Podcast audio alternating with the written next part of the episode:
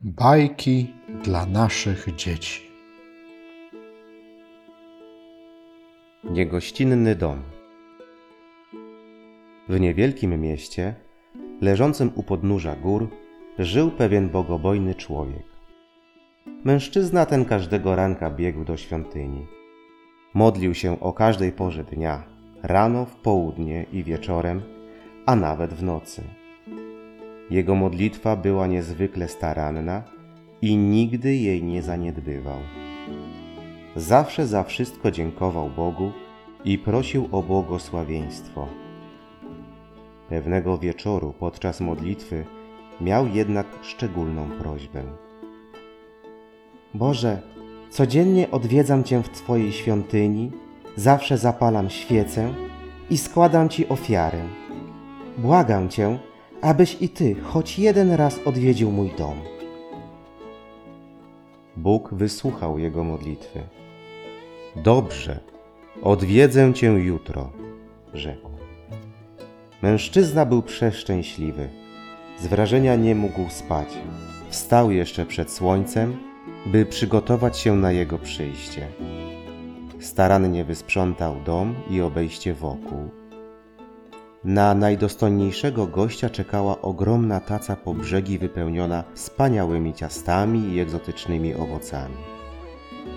Wszędzie roztaczała się cudowna woń kosztownych olejków.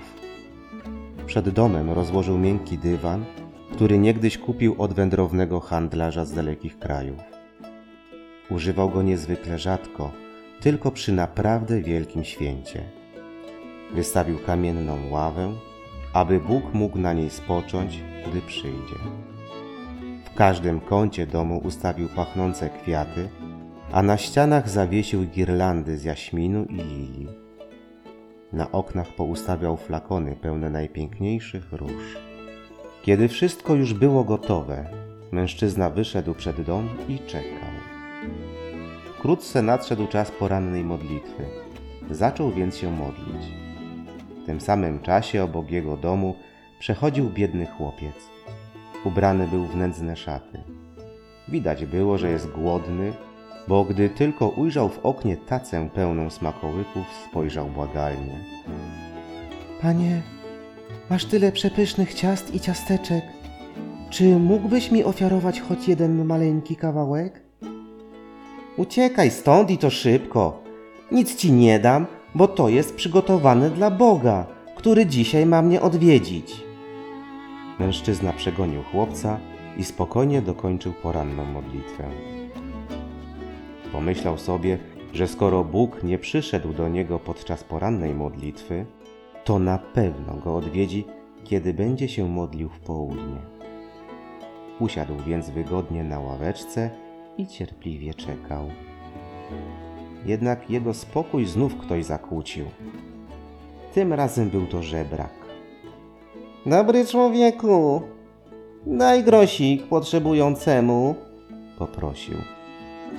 Jednak dobry człowiek przepędził biedaka, nic mu nie dając. A kiedy żebrak odszedł, zamiótł nawet miejsce, na którym on stał, następnie zabrał się do odmawiania południowych modlitw. Minęło już południe, a Boga wciąż nie było. Mężczyzna uzbroił się w cierpliwość i dalej wytrwale czekał.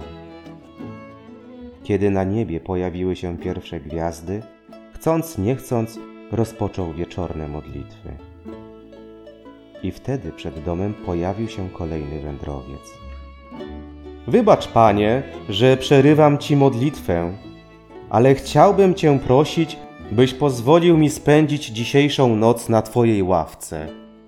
Jestem bardzo znużony, a boję się iść dalej, bo nocą w górach grasują niebezpieczne zwierzęta. Prosił. Nigdy w życiu.